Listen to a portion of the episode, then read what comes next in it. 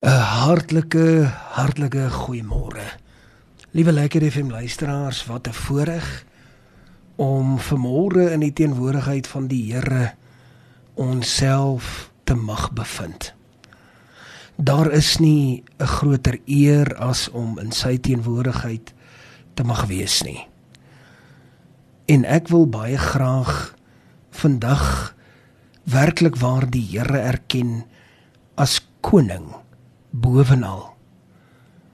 En jy weet wanneer ons mooi oor alles dink, dan besef ons dat daar is niks wat die Here nie weet nie. Daar is niks wat die Here nie verstaan nie. Daar is niks wat 'n verrassing is by die Almagtige nie.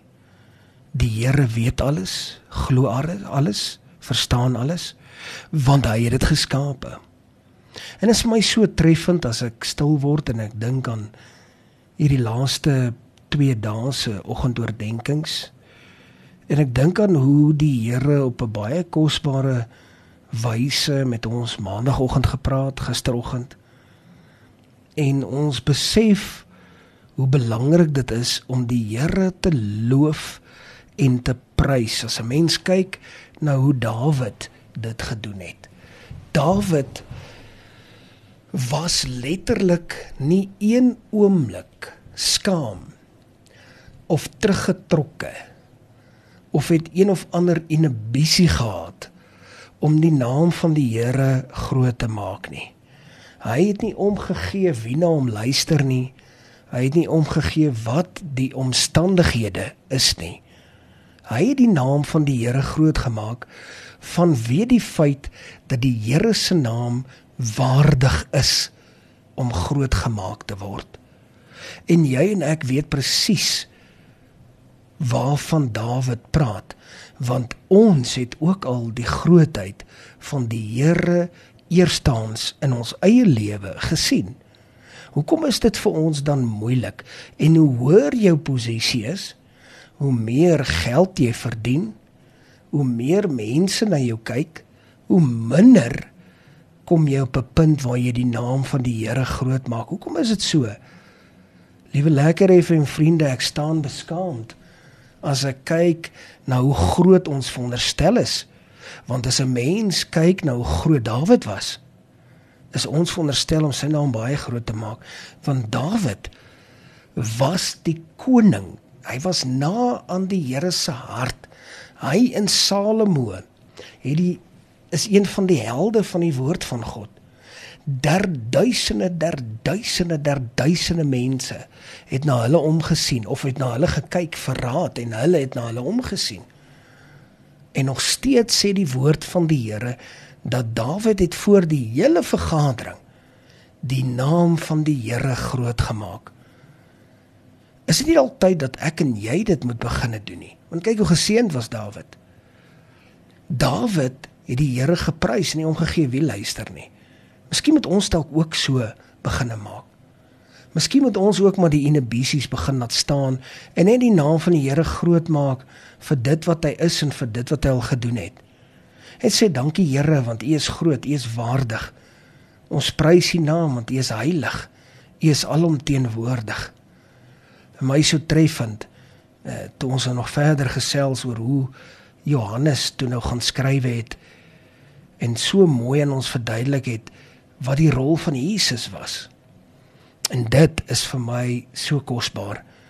Ek wil graag vandag so 'n bietjie van 'n ander rigting inslaan en ek glo dat die Here dit sal gebruik om jou ook heeltemal te motiveer op 'n ander wyse en dat jy totaal en al die saak anderste sal behartig.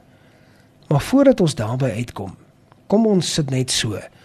Dan sluit ons die oë dan bid ons saam. Hemelse Vader, dankie vir u liefde.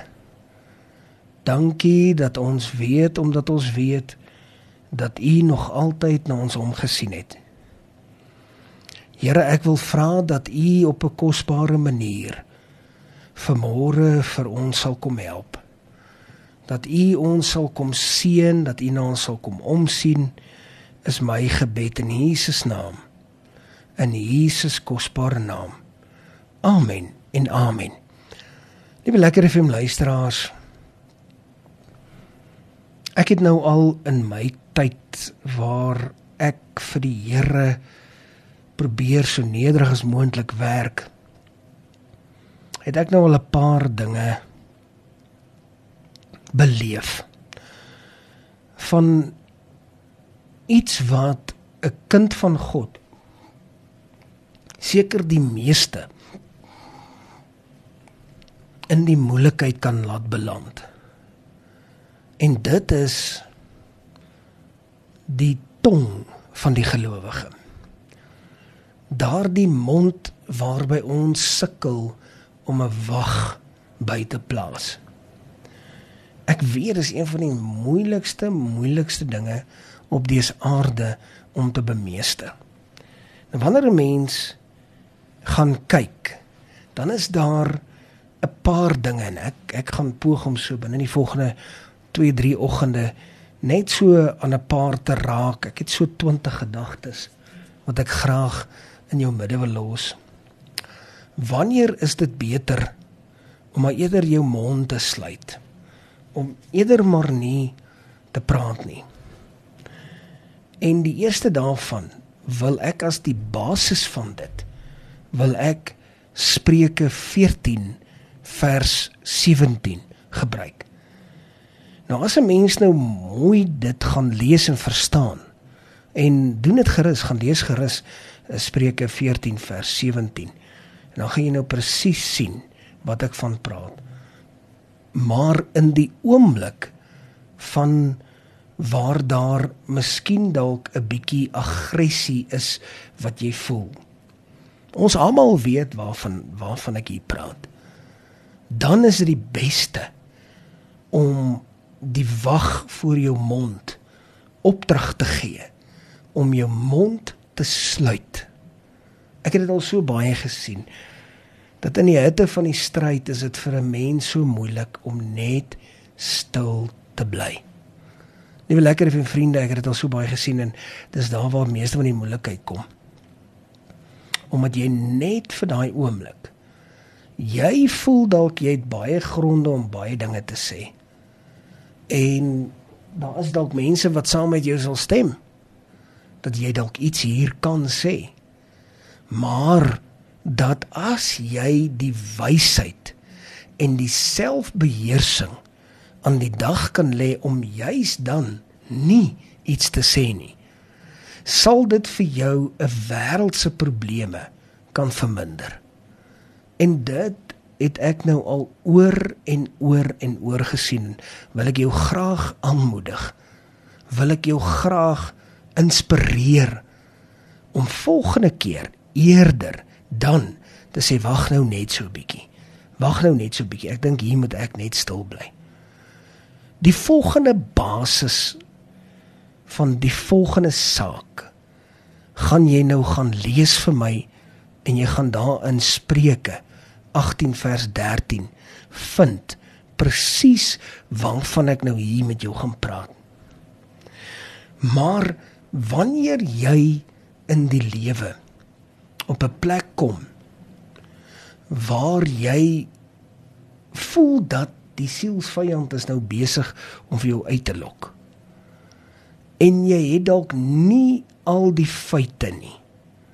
Is dit beter om eerder jou mond heeltemal te sluit? Jy weet baie maal het ek al gesit en luister.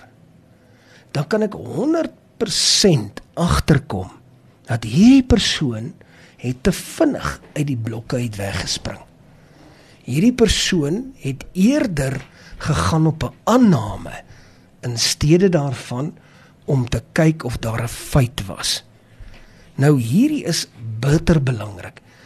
As jy bereid is om te wag dat die feite op die tafel geplaas word voordat jy reageer, wil ek vir jou sê die lewe sal skielik en baie drasties en vinnig vir jou baie beter raak wanneer jy nie al die feite het nie sou ek voorstel dit is dit is eintlik maar baie geskik om dan eerder te sê wag 'n bietjie weet jy wat ek ek verstaan nie die hele ding so mooi nie hierdie is nog baie nuut. Ek sou eerder 'n week of 'n week en 'n half of 2 weke wil gee om op hierdie saak te slaap sodat ek dit uiteindelik beter moet verstaan. So hierdie is vir my baie belangrik. En dan sal 'n mens baie keer dalk met my praat oor 'n sekere saak. En dan sal ek agterkom omdat jy nie die storie geverifieer het nie. Het jy dalk die kat aan die stert beet? Nou gelees maar daar in Deuteronomium 17:6 en nou presies sien wat ek van praat. As jy nie die storie geverifieer het nie, staan jy 'n baie groot kans om regtig op die ou einde van die dag met 'n rooi gesig op te eindig. Nou glo jy vir my, 'n rooi gesig is iets waarmee jy nie wil opeindig nie want ek myself het al in my lewe met 'n rooi gesig gesit. En was ek vir jou spyt dat ek uiteindelik beweeg het, maar daar was geen verifisering nie. En weet jy wat? As jy weet omdat jy weet dat dit wat jy nou gaan kwytraak dalk iemand anderste in die gesig gaan vat dan is dit 'n baie baie goeie bepaling om te sê wag 'n bietjie. Ek gaan nou eerder die wag wat voor my mond staan 'n opdrag gee om eerder maar hierdie mond van my te sluit. Ek dink dit is die mees veiligste. As jy weet dat dit wat ek nou gaan sê gaan gaan die een of ander mens in die gesig vat, dan is dit 'n baie goeie oomblik om eerder dan te sê, weet jy wat? Ek ek dink nie ek gaan verder enigsins praat nie. Jy kan maar gaan lees daar in 1 Korintiërs 8:11 waarvan ek hier praat. As jy weet dat wag 'n bietjie as ek nou iets hierdie spesifieke ding gaan sê, dan gaan ek iemand in die gesig vat, los dit. Los dit eerder heeltemal uit. En daar in Petrus 2:22 en 23 is daar 'n ander ding wat gebeur. En jy kan gerus 'n bietjie dit ook gaan lees as jy nou die dag tyd het. Maar as jy praat en dit sal iemand in 'n slegte lig stel. Dan moet jy maar weet dan is dit die verkeerde ding om te doen. Die oomblik wanneer jy weet wanneer jy ervaar binne in jou dat dit wat jy nou gaan sê gaan iemand in 'n slegte lig stel. Dit is dan wanneer jy eerder moet sê, weet jy wat? Kom ons stop die ding net hier. Ons gaan nie verder nie. Ek gaan nie nou nog verder die sielsvyand die grondgebied gee om skade te veroorsaak nie. En ek glo dat sou jy besluit om hierdie raad so bietjie te volg dan sal jy op die ou einde van die dag baie baie beter af wees. En sal dit op die einde van die dag beteken dat die Here jou daarvoor spesifiek eer en jy 'n veel rustiger en vredevolle lewe sal hê. Tot sover die woord van die Here. Kom ons sit net so. Dan sluit ons die oor en bid ons saam. Hemelse Vader, dankie vir die liefde. Dankie dat U na ons omsien, dat U ons harte verkoop. En dankie Here dat ons weet omdat ons weet U was nog altyd daar. En vir dit sê ons vir U dankie. Here, ons bid nie hierdie dinge omdat omdat ons dit verdien nie, glad nie. Maar ons bid dit net vanuit U genade. Ons bid dat U ons daarmee sal bystaan in Jesus naam. Amen. En amen.